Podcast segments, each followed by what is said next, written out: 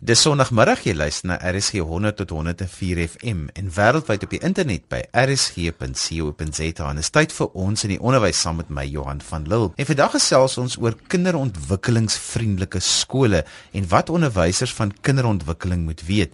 Nou om hieroor te gesels het ek vir Dr Melody De Jager, 'n bekende ontwikkelingsspesialis en kenner in die ateljee. Melody, baie welkom by ons. Baie dankie dat ek hier kan wees. Melody, wat moet onderwysers weet en hoekom is dit belangrik dat onderwysers moet weet van kinderontwikkeling? As mens vir iemand skool hou, hou jy nie vir 'n breinskool nie. Jy hou nie inhoudskool nie. Jy hou vir 'n kindskool.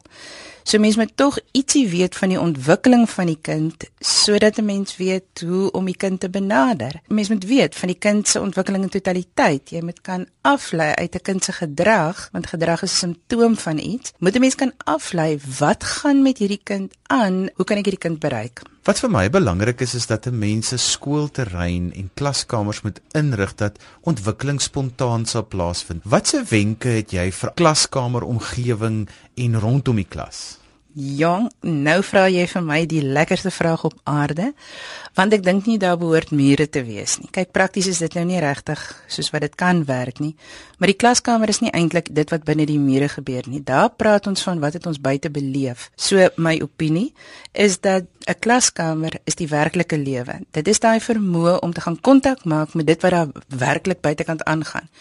Ons moet nie leer van 1 2 3 nie. Ons moet gaan tel hoeveel um, tomaties hang daar aan 'n plant. Die klaskamer is die werklikheid. Dit wat ons lees en skryf daaroor is ons refleksie, ons dink oor wat werklik gebeur. En dis een van die redes ek dink hoekom kinders al hoe meer en veral ouer kinders toenemende motiveringsprobleme het as dit by die onderwys kom. En baie van die inhoud voel vir hulle dis nie relevant nie. Dit het niks te doen met die werklikheid nie. So hoekom moet ek dit leer? Kan ek dit Google? Kan ek dit op my selfoon kry so hoekom ek dit weet. Met ek voel baie keer onderwysers kyk so vas teen caps dat wanneer 'n kind by 'n bank sit, hulle vergeet hoe baie goed moet in plek wees vir daardie kind om by die bank te sit, sy potlood te vat en te kan skryf. Johan, dit is so waar. Ek het nou vir 3 dae regtig my neus toegegooi onder die navorsing oor wat gebeur regtig in die brein as iemand leer. En ek is net weer 'n keer verstom oor vir hoeveel jare het ek skool gehou sonder om ooit regtig te verstaan hoe leer plaasvind voordat ek regtig verstaan het van kinderontwikkeling. Jy weet dan is dit eintlik 'n moeg getroffe ding tot 'n groot mate. So jy is 100% reg. 'n onderwyser ideaal gesproke moet nog 'n klompie goed weet voor ons kan begin om vir 'n kind onderrig te gee in 'n spesifieke vak. Baie keer is ons klaskamers so ingerig dat dit hulle ontwikkeling steur leer. Vir 'n kind om op die mat te sit is moeilik, vir 'n kind om by 'n bank te sit is moeilik, veral die moderne kinders. Watse wenke het ons daar vir opvoeders? Die groot ding is kinders moet beweeg voor hulle kan stil sit. Kyk, om te beweeg is normaal. Om stil te sit is nie heeltemal normaal nie. So beweging is ongelooflik belangrik, maar dan kom daar 'n tyd wanneer 'n kind moet kan leer om sy beweging te beheer. Maar voor hy kan beweging beheer, moet hy eers beweeg het. Ek bedoel, jy kan nie stop as jy nie eers beweeg het nie. Jy kan nie ehm um, gaan sit as jy nie eers opgestaan het nie. So die hele ding oor rondom groot metodiese ontwikkeling en pertinent voor skools. Kyk, die KEPS dokument maak voorsiening dat daar in die grondslagfase 2 ure per week aan fisiese ontwikkeling moet aandag gegee word sodat die kinders se lyfies goed genoeg ontwikkel om wel te kan stil sit vir 'n ouderdomsverwante tyd. In 'n woorde, dis nie vir die hele dag nie. Dis nie tussen eerste pouse en tweede pouse nie. Dis om vir 'n ouderdomsverwante tydperk stil te kan sit. So daai beweging is nodig om stil te kan sit. Sê die KEPS dokument ook dat vir kinders ouer as um, grondslagfase fase moet daar 'n uur per week voorsiening gemaak word. So daar's 'n al hoe groter wordende bewussyn in die onderwysbenadering dat fisiese ontwikkeling ongelooflik belangrik raak sodat die kinders kan stil sit en aandag gee. Maar Johannes nie net dit nie.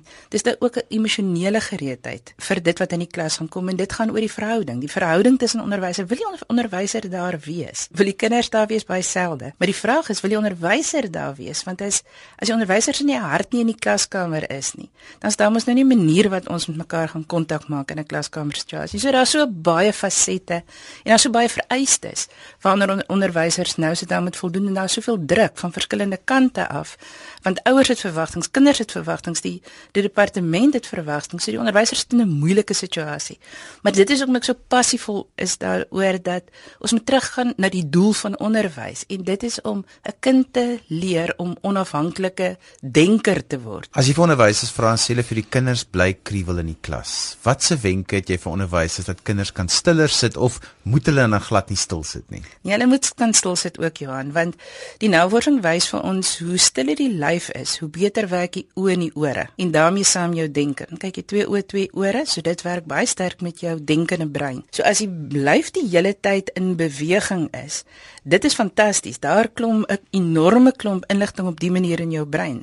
Dis lekker en is opwindend.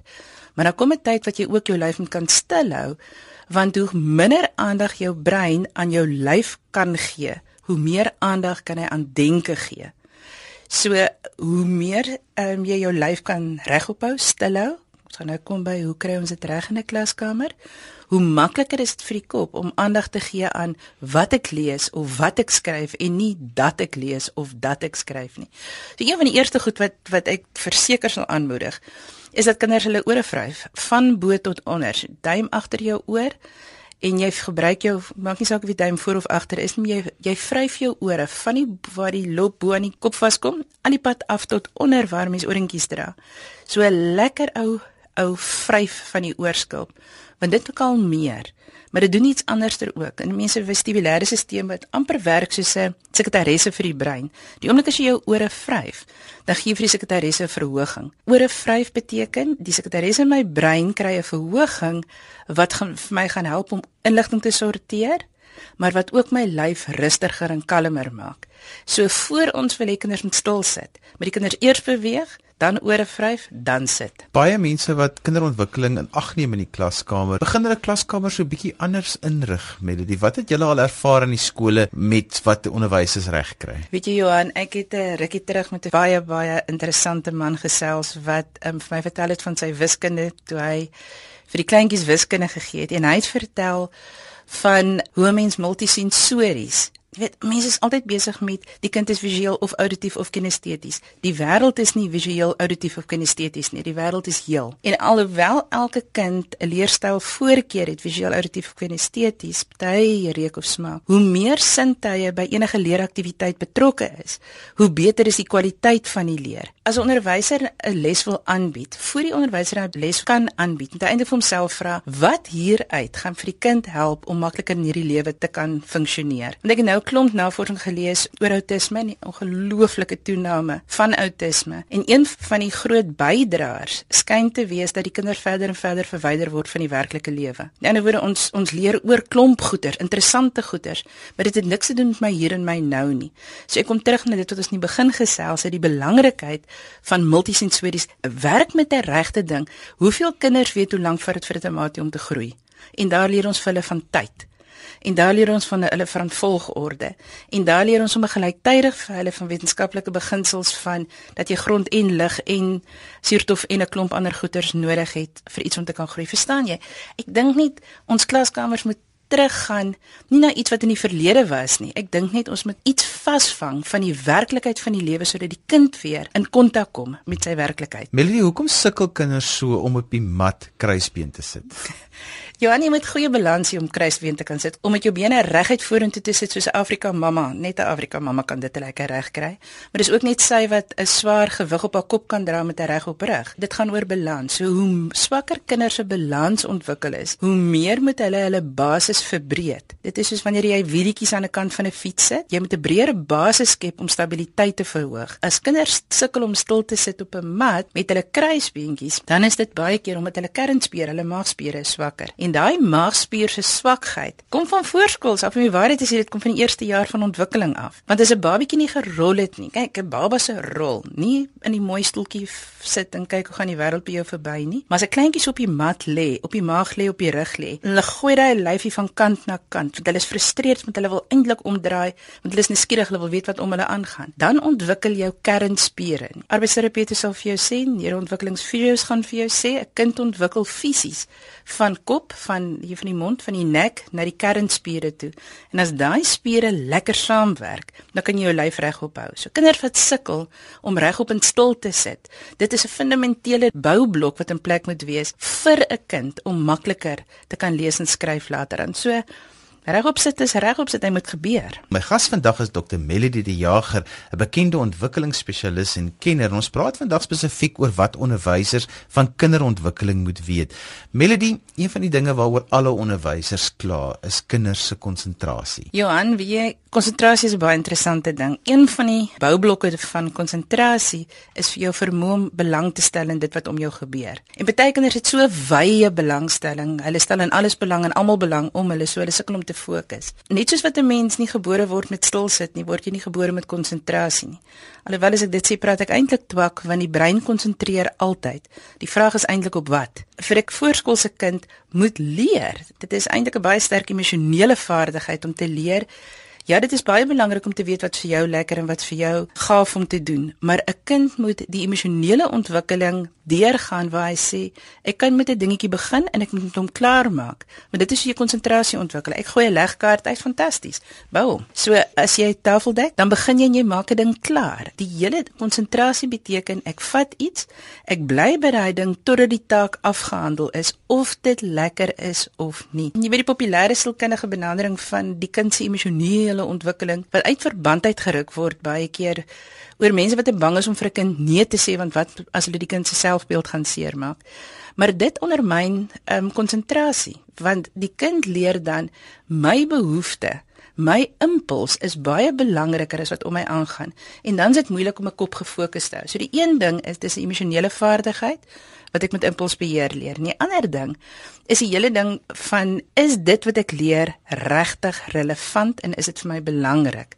Want as dit nie vir my relevant of belangrik is nie, dis 'n rol van 'n onderwyser. Jy moet daai relevantie moet wys. Hoekom? My een van my lekkerste voorbeelde was jare gelede het ek met so 'n tienerdogter 'n um, ekstra klasse aangebied en sy wou net weet van seuns en grimering en goed soos dit. Sy wil niks weet van X en Y nie. So ons het vir haar wiskunde X en Y geleer met mascara en met met lipstif en toe later dan het so 'n bietjie gepraat oor sy moes sy iets met die wolke te doen gehad het en sy hoekom moet ek dit leer? Wat het dit met my te doen? Sy kom my poppie wil jy eendag trou. Nee, sy wil verseker eendag trou. Sê maar fantasties, weet jy, as daar grimering is en daar's daar seuns dan staan seker maar trou op 'n stadium. So, die dag as jy gaan trou en jy hardloop, jy staan op, is die eerste ding wat jy wil sien, is wat se wolke is daar in die lug? Want jy wil weet gaan dit vandag op my trou het reën of nie. In die oomblik toe sy besef maar dit kan vir haar van waarde wees. So die oomblik toe sy verstaan dat ehm um, die name van wolke is nie net name van wolke nie, dit het iets met haar leefwêreld te doen. Dis ook konsentrasie oombliklik beter. So dis leer impulsbeheer van 'n jonger ouderdom af. Dit is iets wat die kind moet doen en van die onderwyser se kant af bou die bruggies na relevantie toe. Melody, 'n skool wat kinderontwikkelingsvriendelik is, verstaan hoe om die brein aan te skakel. Julle het wonderlike oefeninge. Ja, ja, Johan, weet jy, ehm um, as 'n mens gaan koor sing, dan maak jy tog die lippe en die wange en die tong wakker en lekker diep asemhaling. As jy gaan rugby speel, maak jy opwarmingsoefeninge. Dis dieselfde met die skool. Party kinders is natuurlike praters. So hulle hoef nie hulle praat op te warm nie. Ander kinders is nie. So voor daar 'n mondelinge klas is, dan moet 'n mens nou maar die praat opwarm. Party mense is natuurlike lesers. Hulle is visueel ingestel, so die oogies is altyd aan. Party mense se oë is oop maar nie aan nie. Daar's 'n groot verskil. Dieselfde met die ore.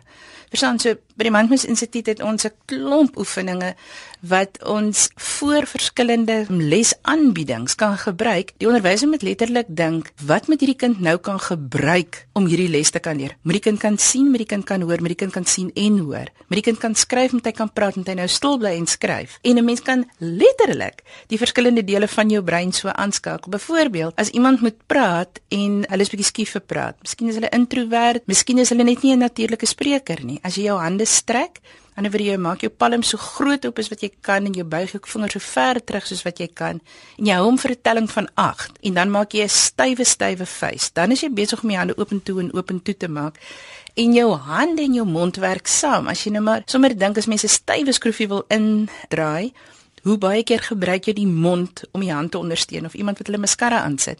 Die mond werk saam met die hande. So as ek my hande strek, dan bereik my mond voor vir praat of verduideliker praat.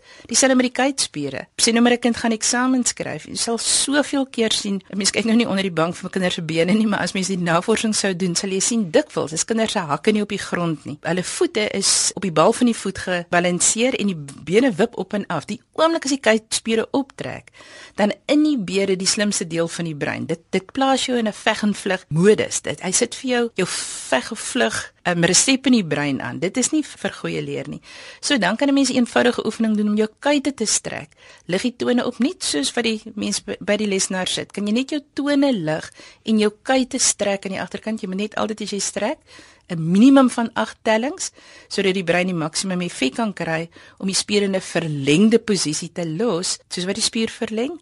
So skuif die huisbak in die brein na bo van oorlewing na denke toe. Ek sit met 'n klomp kinders voor my. Kan ek hulle brein breine aanskakel dat hulle wel sal inneem wat ek sê. Die hele ou ding van relevantie, hoe meer dit vir die kind interessant is, hoe makliker is dit vir hulle om die ore aan te skakel as hulle moet luister, die kuite te um, strek sodat hulle bietjie meer rustiger raak want die oomblik as jy ongemaklik raak of jy raak gespanne en jou spiere begin optrek dan begin jy oombliklik rondkyk en rondluister vir waar kom hy potensiële gevaar vandaan. Onthou, die brein weet nie wat se verskil tussen 'n regte en 'n verbeelde gevaar nie. So baie keer as 'n kind in 'n klas is, dan voel dit vir hulle is hulle is die hele tyd bedreig. So as wil hê kinders moet lekker lank konsentreer, man dat hulle eers beweeg voor hulle sit.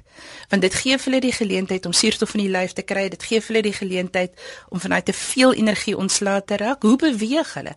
Want jy kan vir hulle um, enige lekker musiek opsit, laat hulle sommer net woes beweeg en dan al hoe stadiger, al hoe meer beheerst. En dan 'n tipiese beheerste beweging of 'n paar wat regtig lekker in 'n klaskamer werk. Is as hulle nou eers lekker gesing en beweeg het en jy skakel die musiek af of jy kan dit aanhou en dan beweeg jy arm en been aan dieselfde kant van die lyf op en dan sit jy hom stadig neer. So die arm en die been met van dieselfde kant lyf op en af beweeg. Dis reg. So regterbeen, regterarm op in die lug terwyl hy balanseer op die linkerkant, laat hom sak en nou lig ons aan die linkerkant. So nou skakel ons albei kante van die brein aan sodat jy kan fokus op die detail terwyl jy ook die groter prentjie in gedagte kan hou. En as jy dit so 'n paar keer gedoen het totdat die kinders dit regtig gemaklik reg kan kry, dan kry jy oor. Want nou sê ek, ek wil nie 'n linker of 'n regter brein nie, ek wil meer die kind se hele brein moet werk. Dit werk fantasties.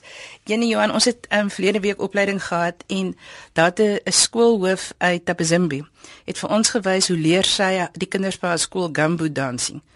En dit is ongelooflik om te sien hoe integrerend daardie oefeninge is op die kinders se vermoë om te kan leer want oombliklik hulle het beweeg dit is groot pret.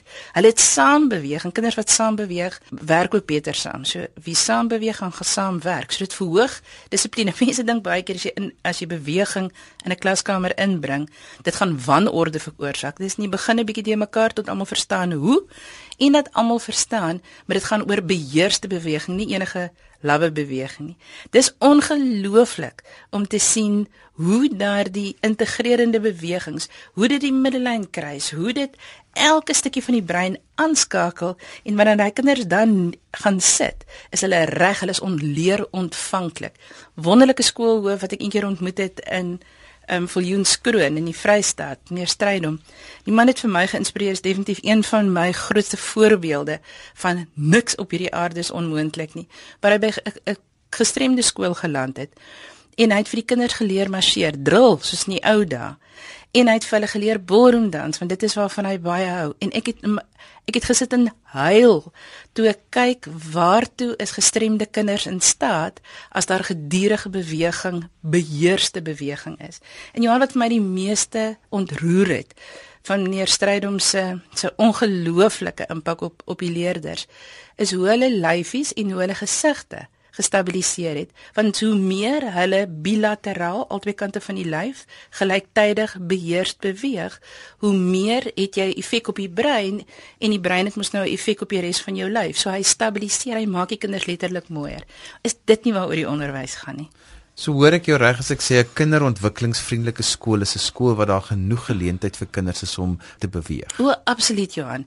En te ontdek en te te doen, multisensories te doen, minder te sit en te luister en baie meer self te natuurlik gestruktureerd, nie net vry ek maak wat ek wil wanneer ek wil nie, maar daai vermoë om om self uit te vind in plaas daarvan om vertel te word. Kinders hou van 'n avontuur, daar's te min avonture in die lewe. En eintlik behoort elke klas geleentheid 'n leerondersoekingsomgewing te wees. O, dit is 'n geleentheid vir avontuur. Dis dan alwaar vir ons tyd het vandag en jy kan weer na die program gaan luister as 'n potgooi. Laai dit af by rsg.co.za. Skryf gerus vir my as jy enige kommentaar het op die program of as daar onderwerpe is wat jy graag wil hê ons moet aanroer in ons in die onderwys. My e-posadres is Johan@wwd.co.za. Dis Johan@wwd.co.za. Stuur 'n SMS aan 3343 teen R50 per SMS en onthou gratis minute tel nie. Dankie aan my gas vandag Dr. Melody de Jager, bekende ontwikkelingsspesialis en ken. Melody was heerlik om jou op die program te hê. Dankie Johan, dit was fantasties om by jou te kuier. As jy mense jou wil kontak, sê net gou-gou vinnig hoe hulle kontak besonderhede kan kry. www.mind.moves.co.za. daarmee groet ek dan tot volgende Sondag van my Johan van Lille. Totsiens.